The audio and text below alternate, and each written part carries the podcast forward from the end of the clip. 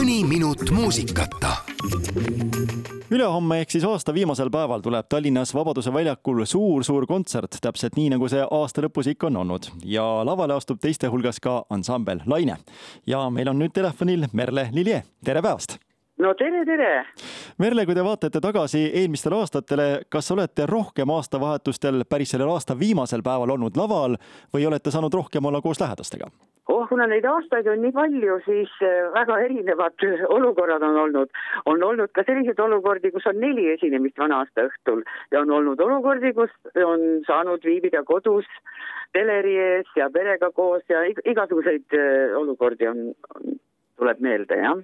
kas see hetk ka kuidagi eriliselt on meelde jäänud või see muutuste aeg, kui Näärides saigi aastavahetus, kunagi olid ju Näärid, mida peeti, aga ühel hetkel oli korraga uus aeg ja siis oli aastavahetus Nääridest enam ei räägitud. kas see üleminek ka kuidagi on meeles?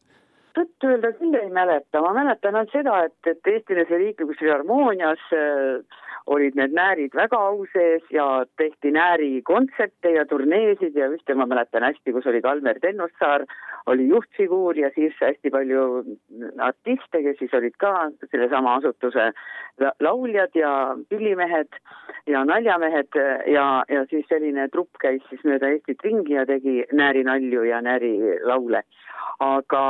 jah, ei, ma ei mäleta, see oligi, see jääb juba nii kaugesse aega, et, et neid jõule on ju peetud ikka kodudes, et tõmmati kardinad ette ja peeti ju juba, ma mäletan, lapsepõlvest saadik käisid jõuluvanad. aga praegu jah, need aastavahetuse peod on, on sellised hästi möllurikkad ja vahvad ja ja miks mitte, miks mitte, et siis kõik ju loodavad, et uus aasta tuleb aina rõõmsam ja rikkalikum ja toredam ja ja tuleb, tuleb pidu pidada, mis teha kui palju te olete aastavahetusele kodust eemal olnud just nimelt välismaa mõistes, mitte üldse Eestis, vaid hoopis kuskil, kuskil kaugel? minul ei tulegi meelde, ma olen ikka olnud siin äh, oma kodumaal, et ei Lainega ka me ei käinud seal algusaastatel ka mitte üldse kuskil välismaal, nii et ei ikka, ikka see on selline kodune, kodune aeg, just jõulud ja uus aasta ja et need välismaa ajad on jäänud kõik kuskile sellisesse kevadesse ja suvesse ja sügisesse kui mõeldagi nüüd Lainele see ülipikk karjäär, mis on sellel ansamblil olnud, kas saab siit eraldi välja tuua ka nii-öelda Laine aasta, kus te ise tõesti tundsite, et vot see aasta oli selline, kus juhtus hästi palju erilist. Laine oli kõrgel laineharjal ja kõik vaatasid, kuulasid, saab selle aasta eraldi välja tuua, oli see kuuskümmend viis, oli see seitsekümmend neli, oli see kaks tuhat üks? No midagi erilist võib tuua siit igast aastast välja, aga loomulikult noh, minul isiklikult oli kõige erilisem oli aasta tuhat üheksasada seitsekümmend viis, kui ma konkursiga siis sain Lainesse, siis järgmine periood oli juba seitsekümmend kaheksa, kus Lainest kujunes tõeline show-ansambel, popansambel ja Vello Orumets äh, lahkus ansamblist, tuli asemele Tõnis Mägi, meil oli tõesti selline väga-väga kihvt kollektiiv ja me saime omavahel eriti hästi läbi ja meil oli väga tore repertuaar ja kõik oli väga suurepärane, siis järgmine tippperiood, ma mäletan, oli aasta kaks tuhat, kui kõik see mass tuli uuesti kokku, kes siis Laines on kunagi olnud ja tegime suure-suure kontsertturnee, tähistasime Laine neljakümnendat juubelit ja laval olid suured korüfeed nagu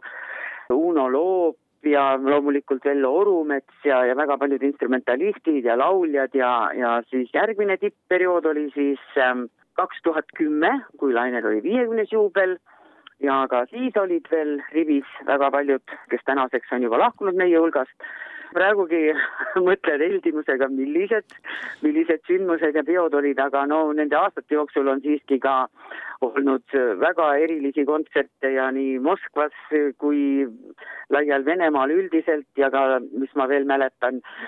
Almata kontserdisaali, mis oli, lava oli nii suur nagu jalgpalliväljak sa pidid ikka võtma kõvasti hoogu, et oma lauluks sinna kohale jõuda, siis me seal riburada pidi tüdrukutega marssisime,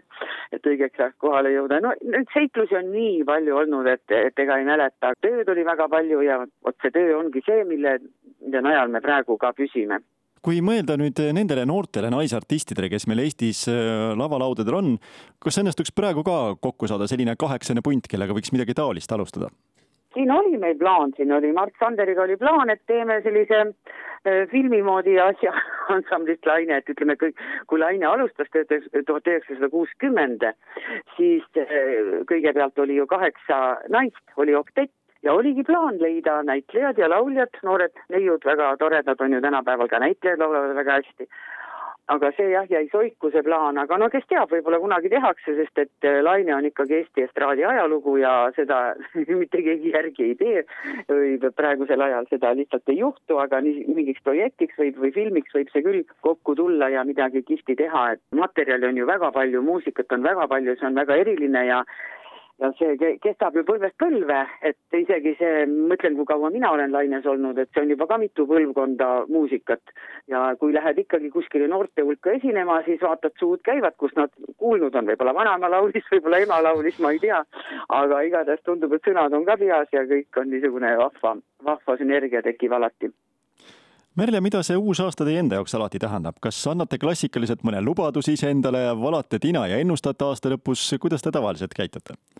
vanasti sai küll tehtud, võib-olla praegu rohkem nagu laste lap,, lapselaste pärast midagi teeme, unistame ja valame ja teeme, aga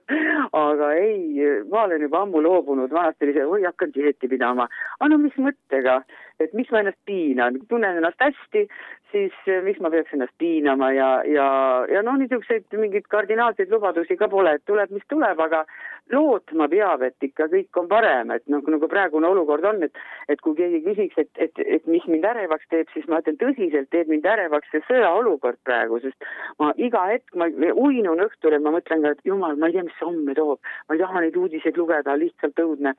Sellised olukorrad, mis praegu maailmas äh, toimuvad, et, et nagu noh, unistaks, et, et need lõpeks ruttu ära ja, ja oleks jälle selline maailma rahu ja õnn ei oleks vaja jah muretseda millegipärast ülehomme ka ei ole tarvis muretseda, sest eh, aasta viimane päev on ikka selleks, et tähistada ja eh, Laine astub niisiis Vabaduse väljakul lavale. milline on selline laul, mis võiks kõlada just nimelt näiteks keskööl, kui oleks nüüd valida Laine repertuaarist üks laul, mis see võiks olla? Ikkagi see Hoogsas rütmis võib-olla, sest et Hoogsas rütmis uude aastasse suur aitäh, Merle Lilje, meiega juttu ajamast ja loomulikult põnevat ja lootusrikast uut aastat! ja aitäh ja teile sama, kõike head!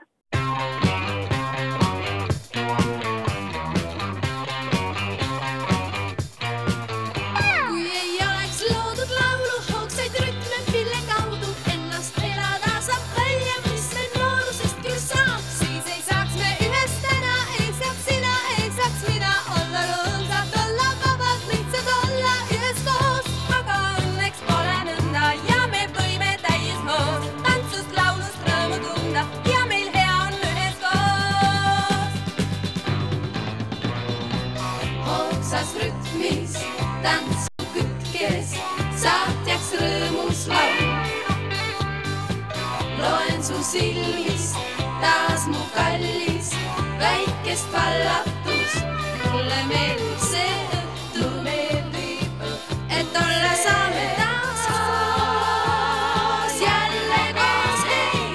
hoogsas rütmis saatjaks rõõmus laul. see õhtu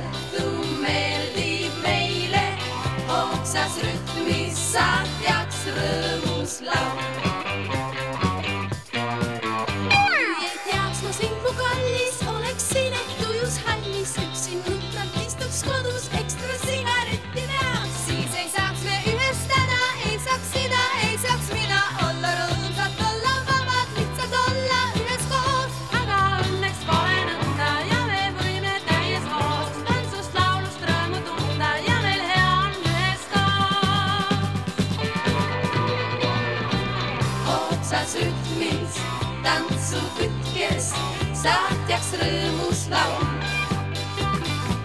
loen su silmist taas mu kallis väikest vallatust. mulle meeldib see õhtu, et olla saame taas koos, jälle koos, hei, hoogsas rütmis saatjaks rõõmus laul. see õhtu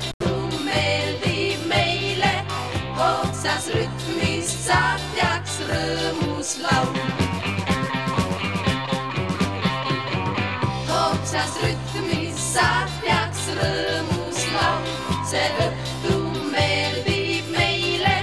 hoogsas rütmis saatjaks